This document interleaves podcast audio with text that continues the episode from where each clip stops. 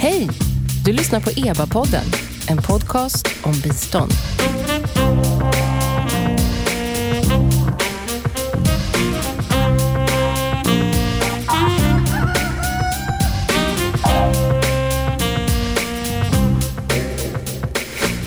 Välkomna till EBA-podden.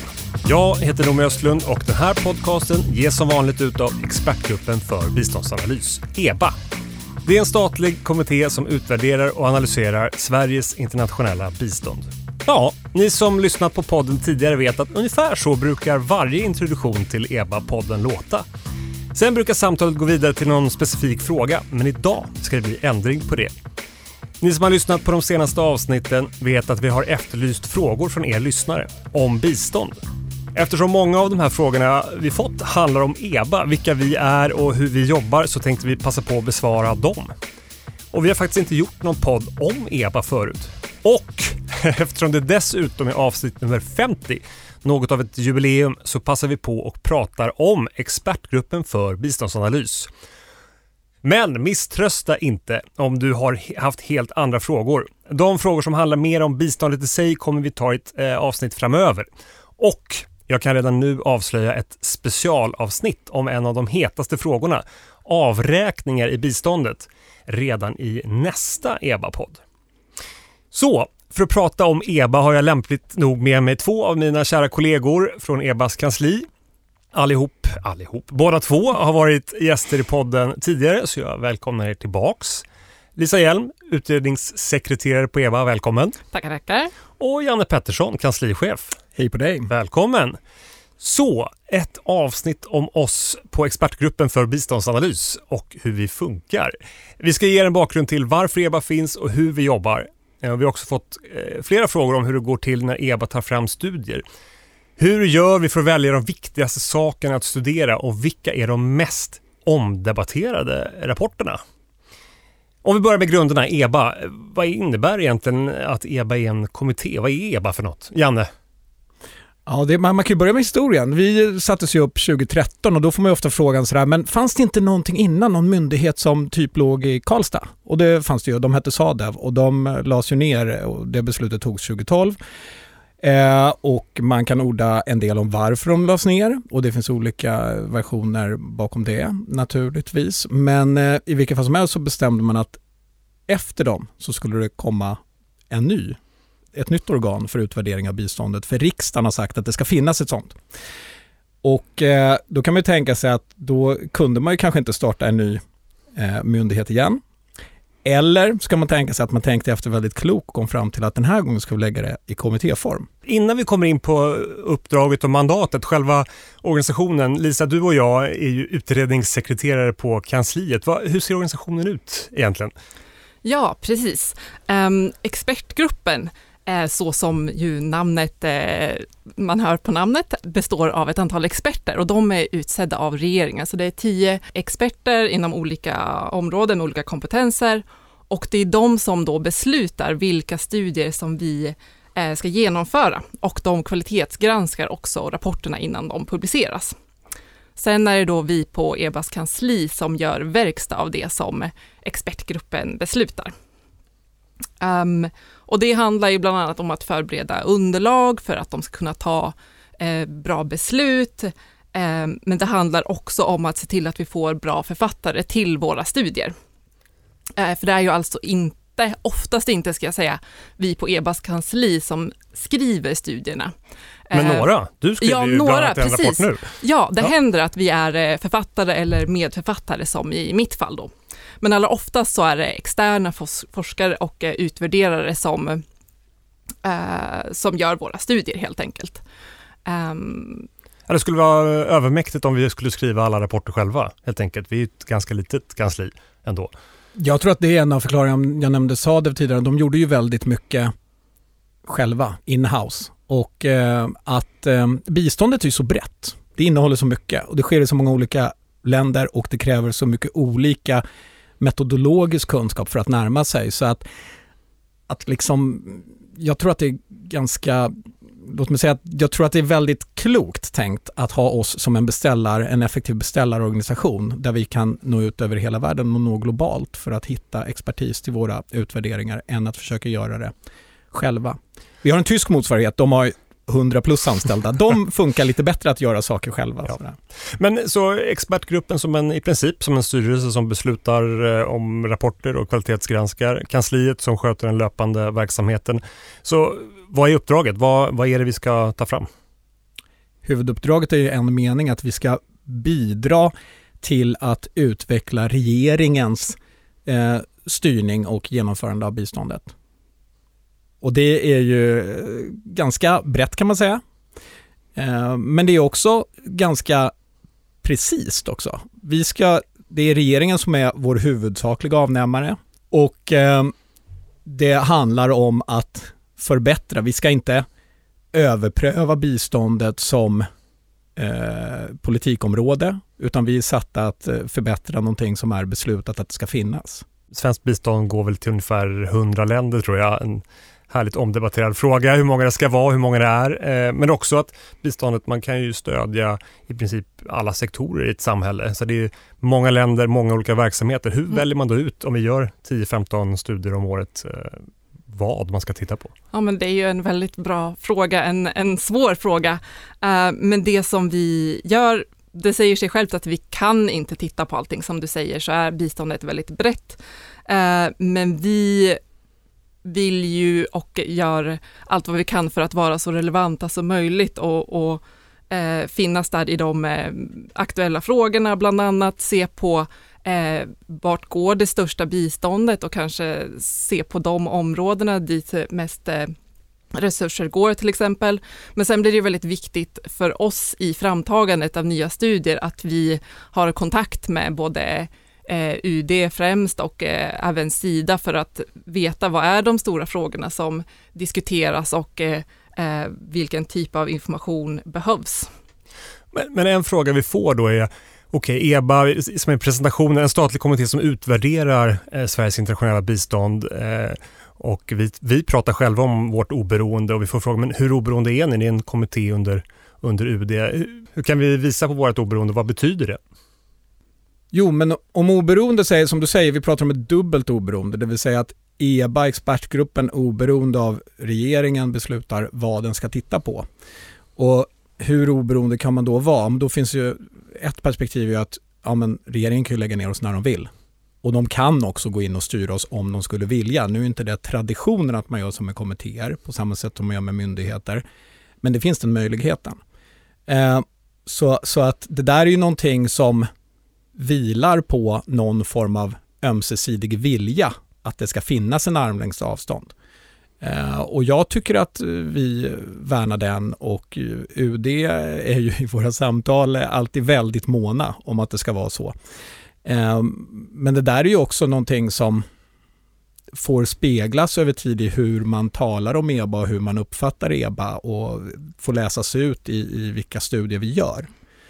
Eh, sen har vi en del till i oberoendet och det är att vi har författare som skriver oberoende av oss. Så att givet att vi har gett ett uppdrag så gör de sina analyser, sina, drar sina slutsatser och kommer med sina eventuella rekommendationer eh, oberoende av vad EBA tycker om dem. Just det. det EBA gör då det är att man ser att slutsatserna och rekommendationerna är fotade i analysen och det är så att säga en kvalitet ur den aspekten. Just det, men då ska vi säga att vi har också expertgruppen som är inte är anställda för att, att, bara vara en styrelse utan de har ju sina dagjobb ute i annan verksamhet i, i civilsamhället, på universitet, i olika organisationer och liknande. Så det finns ju den rollen också att de fattar beslut om vad som ska eh, studeras mm. och, eh, och sen är det författarna som eh, som står för sitt, sin, sina rapporter helt enkelt och där EBA tittar på kvaliteten Sen kan man ju lägga till där också, som jag var inne på lite tidigare, eh, och även om EBA ju är oberoende så är vi ju väldigt tacksamma när vi får ha de här samtalen och det, när det faktiskt kommer också eh, förslag och tankar om vad EBA borde titta på och vad EBA borde studera. Men sen är det ju alltid upp till expertgruppen att ta besluten om vad som studeras. Så vi är fortfarande glada för den konversationen och de tankarna och inputen. Ja, men så, så kan man säga att expertgruppen, de, alla förslag som kommer in, oavsett hur de kommer in, vi kanske kommer till våra olika sätt att ta in studier, vi, vi, men vi har massa olika sätt att göra det på, men, men oavsett hur de kommer in så bedöms ju alla utifrån ett antal, fem stycken relevanskriterier. Som bland annat handlar om hur, kunskapsområdet, hur kunskapen ser ut på det här området, vad kan vi bidra med, eh, hur, hur, stort är, Eh, hur viktigt är området för biståndet och så vidare. Det är ett antal. Och sen så har vi också ett antal prioriterade områden så att vi som där vi söker så att säga speciellt att få igång studier inom. Och med det sagt, hur vet vi något om Ja, men vi sitter här nu och pratar om hur, hur vi jobbar med att försöka samtala med UD och Sida och andra, försöka vara så relevanta som möjligt. Men vet vi något om våra studier och utvärderingar de facto används av de som vi riktar oss till? Precis, det vet vi ju lite om. Vi skulle gärna vilja veta väldigt mycket mer om det. Eh, men eh, ett exempel som jag kan ta upp är att vi för lite drygt ett år sedan faktiskt gjorde en utvärdering av våra egna utvärderingar med just fokus på eh, utvärderingar av Sveriges bistånd till specifika länder över tid.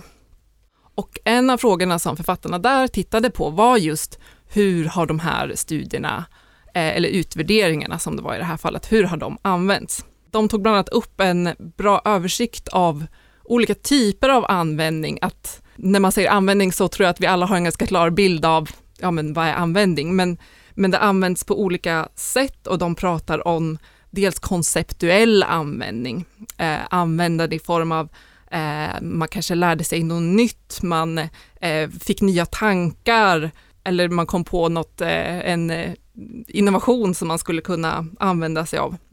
Man kan också tänka sig användning som, som eh, riktar sig direkt mot specifika frågor ett mer instrumentellt användande. Eller att man ser användande som någonting som, som sker under hela utvärderingsprocessen, att de som ska använda den här informationen, de är involverade i hela utvärderingsarbetet Eh, och de pratar också om symbolanvändning för att legitimera något eller kanske tjäna ett politiskt syfte. Så för att summera det, vad de, vad de såg att eh, våra landutvärderingar, som vi ofta kallar dem, att eh, de hade oftast inte ett väldigt eh, eh, instrumentellt eller mer direkt användbar användning, utan de hade mer användning i form av det här lärande och att man kom, kom på nya tankar om ett mer långsiktig förändring av biståndet till exempel. Just det. Och det där tycker jag, för, kom in, för det där tycker jag är intressant för att användande kopplar ju till, men det är inte riktigt samma sak till det som är effekter eller genomslag. För det är också en fråga, hur vet ni att det ni gör används? Är en fråga, men, men hur vet ni att det ni gör faktiskt påverkar någonting och har något genomslag? Och där, eh, frågan om legitimerande användning är ju ganska intressant, för där, där finns det ju någonstans en, en påverkan av att EBA finns oavsett kvaliteten på vad vi gör eller vad vi gör överhuvudtaget egentligen. Bara att det finns en organisation som är oberoende, som är satt att utvärdera biståndet kan ju faktiskt bidra till att skapa ett förtroende för biståndet. Och det, det, kan man tycka vad man vill om, men jag tror att det är ju liksom någonstans en legitimerande användning som finns där och som man ska vara medveten om. Sen den, den instrumentella, så här, men hur ska man göra saker då, då mer, mer konkret? Där är vi, i och med att vi inte utvärderar enskilda projekt och program, så ligger vi inte alltid så nära i det, men vi har gjort det på mer policyövergripande nivå. Vi hade, när vi utvärderade eh, klimatsatsningen, en ganska stor politisk satsning som var fyra år 2009 till 12 var det väl. Så, så tittade vi på formerna för hur den satsningen hade rullats ut. Och den skedde då efter ett antal principer och utvärderingen fann att det där var en ganska, ganska vettigt sätt att rodda en politisk satsning på. Och det, det, där, det finns ett instrumentellt innehåll i det. Eh, till skillnad från då, som Lisa säger, om man har liksom mer ett konceptuellt sådär, men hur ska man tänka kring de här frågorna då? Där är det ju också mycket svårare att peka på det just är våra rapporter som har påverkat någonting. Och det är det egentligen alltid också. Det är frågan om kausala effekter. Är det så att det är vår verksamhet som verkligen leder till någonting? Den, den har ju vi svårt att ibland fastlägga, även om vi i en ett strategiunderlag eller en budgetproposition har en, till och med en hänvisning till våra rapporter. Vi vet ju inte om det där hade funnits där utan en EBA-rapport.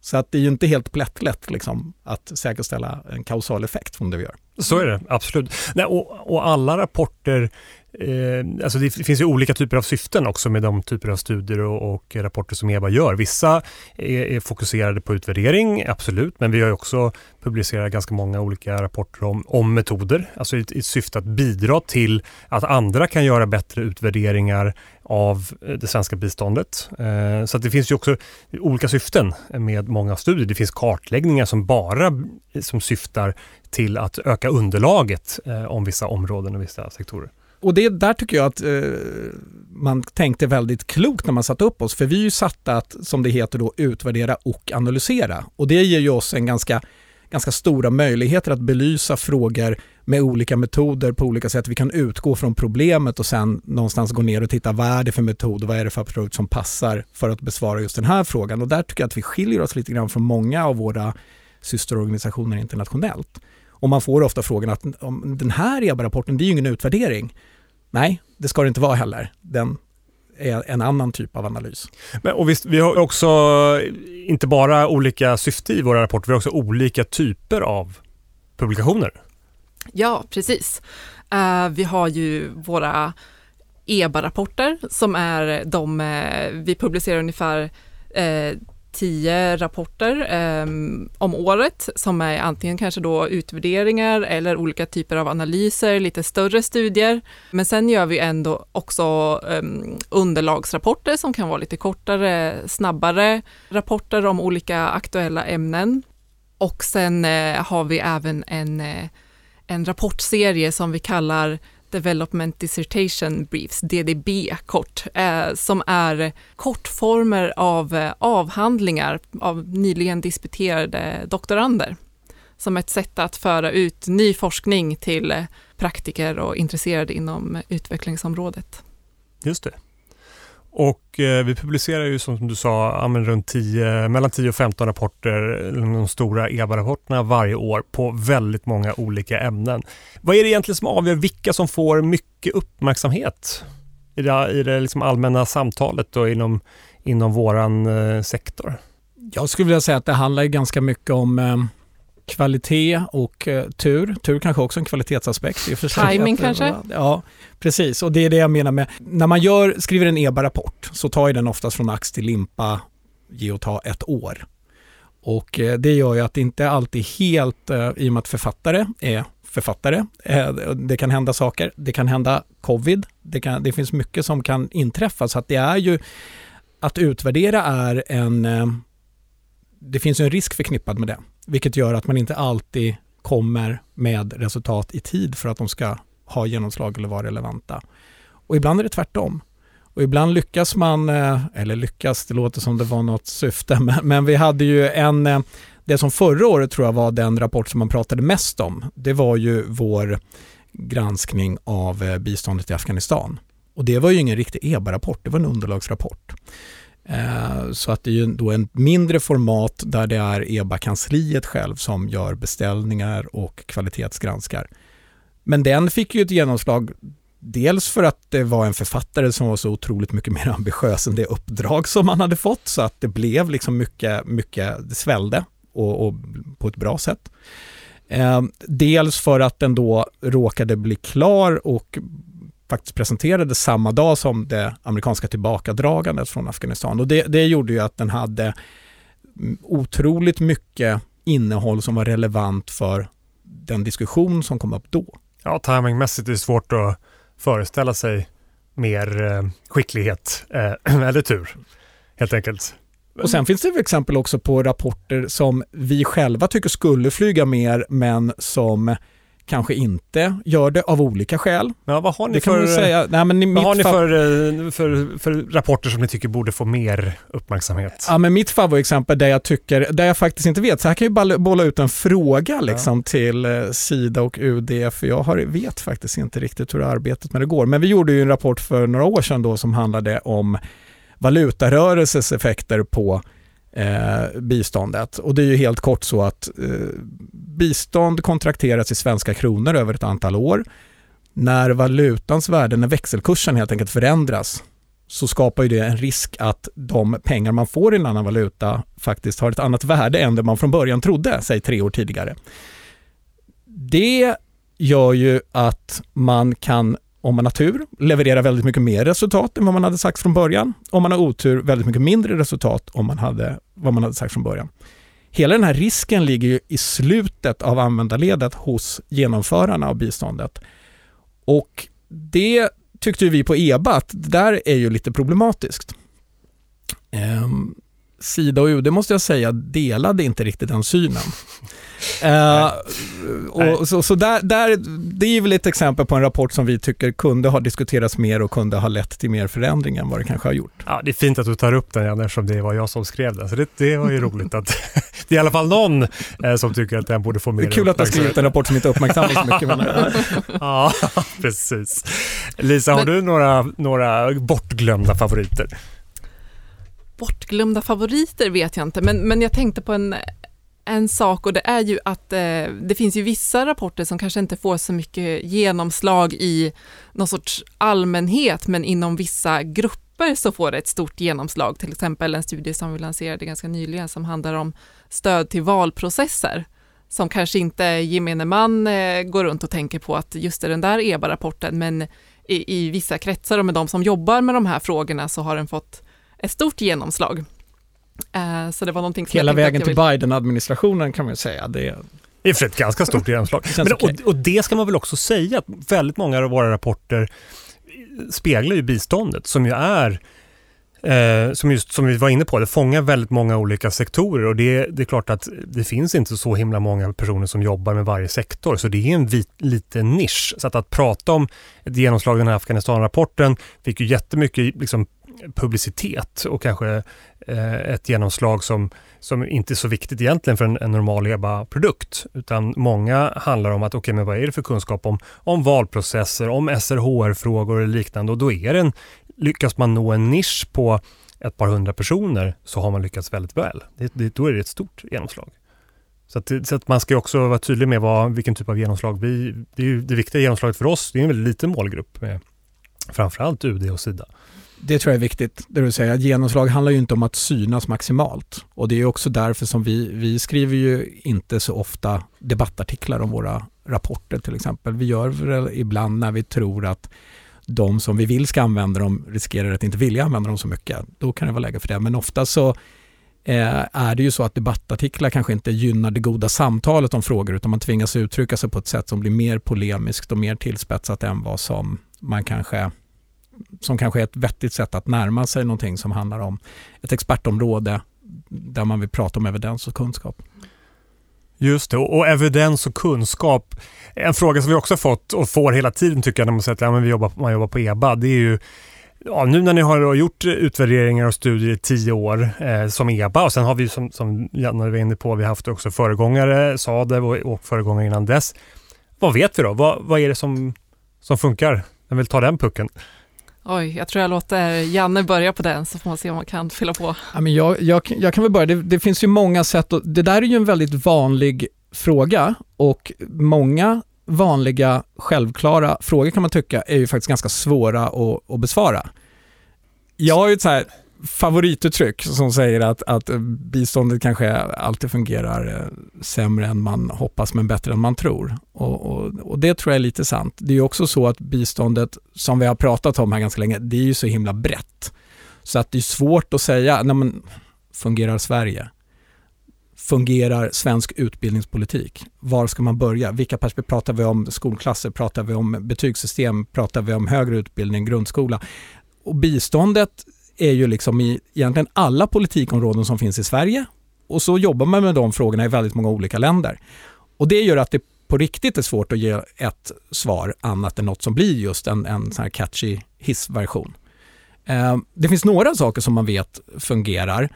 Man vet att eh, från forskningen och från samlade utvärderingar så vet man väl att ihållighet och tålamod är någonting som tenderar att funka. Eh, man pratar ofta som, ganska ofta om biståndets möjlighet att påverka ekonomisk utveckling. Om man tittar på den samlade forskningen som finns om biståndets tillväxteffekter så är det ju omdiskuterat om det är så att det verkligen finns en säkerställd positiv effekt och om den är avtagande eller inte. Men man diskuterar aldrig att man hittar negativa effekter, om de är statistiskt signifikanta eller inte. Så, så där, det finns ju ingenting egentligen från forskningen som tyder på att det finns direkt negativa skadliga tillväxteffekter från biståndet. Ehm, att kunna planera är viktigt också. Det som heter volatilitet eller att plötsliga oförutsedda svängningar i biståndsflöden. Det vet man är skadligt. Men det blir också ganska allmänna frågor. Och EBA, vi försöker ställa frågor oftast av just den här typen. Ja, men fungerar det då? Ofta kopplas till det som är politikens vilja. Alltså när politiken gör klimatsatsningen, ja då utvärderar vi den reformen när politiken nu prioriterar demokratibistånd mer och har gjort det under ett tag, då ställer vi frågan, ja men vad vet vi om demokratibistånd? Fungerar demokratibistånd? Och det är en av mina favoritrapporter som, som för övrigt på tal om användande presenterades för den tyska eh, biståndsministern för ett par veckor sedan. Eh, men som också kan visa att ja, men det fi verkar finnas positiva effekter av demokratibestånd för att sammanfatta den väldigt långa rapporten otroligt orättvist och kort. Eh, och det kan man också säga att man vet då. Eh, och det tycker jag, det, det tillhör den här typen av övergripande, strategiska eller tematiska frågor som vi kan ställa. Eh, Men om, om specifika sektorer ja. eller, och, som, och som Lisa var inne på, vi har också frågat om specifika länder som Sverige traditionellt har gett mycket bistånd till. Ett antal mm. landutvärderingar. Mm. Precis, och när man, när man tänker på den här frågan också, vad, vad funkar eller funkar biståndet? Um, det som blir lite, ibland kanske snett i den frågan är ju att det beror mycket på vad kan man mäta i biståndet och vad finns det liksom data och information kring. Nu i den här demokratistudien som eh, Eh, Janne nämnde, där finns det jättebra data över tid på demokratinivåer från ett stort antal länder, så det går att faktiskt genomföra den här typen av studie. Men sen finns det ju andra områden där inte den informationen finns och då är det svårare att säga på den övergripande kvantitativa nivån, eh, fungerar eller fungerar det inte? Utan då får man försöka lägga ett pussel och se, ja, men finns det delar som man kan undersöka? Kan man liksom lägga hela det här, eller bidra med delar till det pusslet och bidra med kunskap. Så det är så vi försöker tänka lite grann. Men det är såklart roligt när man kan göra en sån svara på en sån fråga. En sån funkar det? Ja, ja funkar precis. Ja, och må, men må, många rapporter så får man ju, man tvingas dela ner sig eller liksom dela, dela av, eh, avgränsa. Vi har ju en rapport som jag var med och skrev och tittade på myndighetsbestånd på västra Balkan. Det är liksom dels en, en sektoravgränsning och dels en geografisk avgränsning. Samtidigt är det ju väldigt mycket pengar för svenskt bistånd och en viktig del av, av det svenska biståndet. Det säger inte så mycket om biståndet i resten av världen och alla andra sektorer, men då kan vi i alla fall svara på frågan, vad, hur funkar det här? Och vad kom ni fram till då? då? ja, men vi kom fram till att det funkade ändå ganska bra. Att ett, ett, ett effektivt verktyg eh, för det specifika målet att, att stärka myndigheter, men, men med begränsningar. Eh, helt klart. Också. Och Det tycker jag är intressant med den eh, studien, att, att eh, ni också har exempel på när det har fungerat mindre bra, när man kanske har tänkt fel eller när man har prioriterat annorlunda, som också handlar om att ja, insatser som också bedöms som relevanta kanske inte var så jätterelevanta i förhållande till det som var det huvudsakliga målet att bidra till EU-närmande och så vidare. Så, att, um... så är det. Nej men absolut. Men det finns väldigt mycket rapporter. Eh, många av dem som sagt belyser olika sektorer och olika länder. En fråga som jag får från många och många som är nya inom biståndet, eh, fått från, från personer som är nya på UD, kanske då det här diplomatprogrammet, eller nya på Sida. Jaha, okej, okay, EBA finns, ni har producerat massor med rapporter eh, under tio år och som sagt, det finns föregångare dessutom och vi är bara en aktör av många. Var börjar man? Om man har lite tid och, och vill ta del av EBAs innehåll, vad, vad ska man börja? Hur ska man gå tillväga? Podden såklart. Podden såklart. Ja, men det är ett jättebra tips för då kan man gå och se vad de handlar om så kan man spåra upp EBA-rapporter där. Man kan ju också göra ett tematiskt sök på vår hemsida för jag tror att eh, att ge sig, jag träffade faktiskt en person en gång som hade ambitionen att läsa alla EBAs rapporter. Eh, det blev inte riktigt så. Eh, och det, är ju ganska, det blir ganska utmanande efter ett tag. Ja, det är lite Sisyfos, det kommer ju nya rapporter hela tiden Precis, och det, och, det, och det där tänker jag, det har vi inte pratat om, men det tycker jag också är ganska intressant kopplat till vårt uppdrag. Det är ett Sisyfos-arbete att eh, kanske läsa alla EBA-rapporter, för det kommer hela tiden nya. Men ibland är det ju så att vi har de som varit med i gamet väldigt länge som säger att nu har EBA gjort den här utvärderingen eller den här studien. Den gjordes av era företrädare för tio år sedan och så vidare.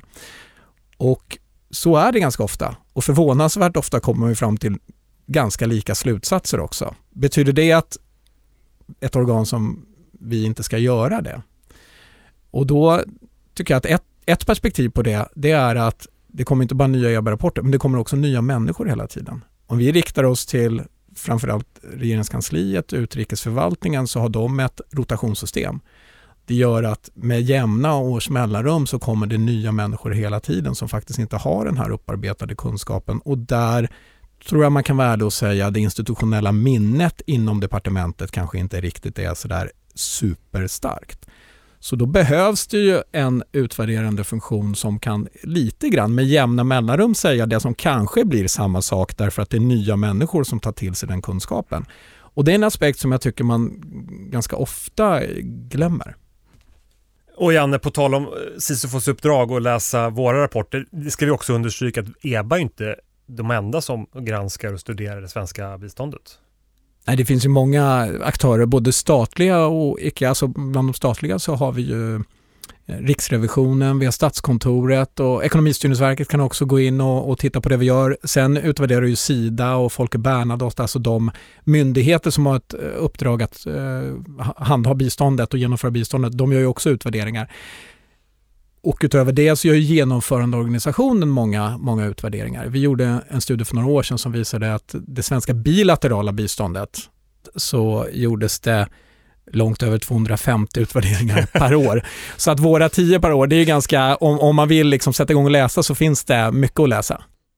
Så ett sisyfosarbete på båda sidor, för oss på EBA och för de som ska sätta till sig all vår ständigt nya produktion helt enkelt. Men som sagt, vi har podden, vi har eh, massa spännande seminarier på hemsidan som man kan titta på eh, på Youtube. Eh, det finns alla rapporter, policy briefs, det finns ju mycket att ta del av och man kan också höra av sig till oss såklart på kansliet om man har några specifika frågor om saker som vi Eh, har tittat på eller som man tycker att vi borde titta på. För det har vi inte faktiskt kommit in på heller.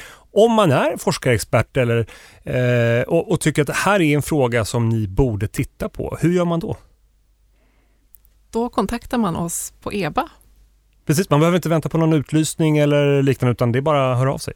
Ja, ja, och har man lite kontaktskräck så kan man ju börja med att bara gå in på hemsidan och ladda ner den här skriv för EBA-formuläret. Då får man lite instruktioner på hur man helt enkelt bara sänder in ett förslag till oss och så tar vi det därifrån. Ja, en av de vanligaste frågorna. Hur skriver jag för EBA? Så det fick vi den besvarad också. Och med det tycker jag att vi avslutar. Vi har fått svar på vilka är EBA? Hur jobbar ni med och hur jobbar vi med att vara relevanta och försöka få genomslag?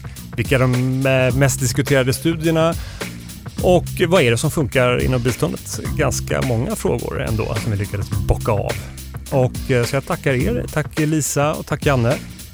Tack själv. Tackar. Och i nästa avsnitt, eh, som jag eh, flaggade för i början, så blir det fokus på avräkningar. Det vill säga de pengar inom biståndsramen som bekostar flyktingmottagande i Sverige. En, en eh, het potatis. Det är ett specialavsnitt som vi gör tillsammans med vår systerkommitté Delmi som har ett motsvarande uppdrag eh, som oss men med fokus på migration. Mitt namn är Noomi Östlund och tack för att ni har lyssnat på EBA-podden avsnitt nummer 50.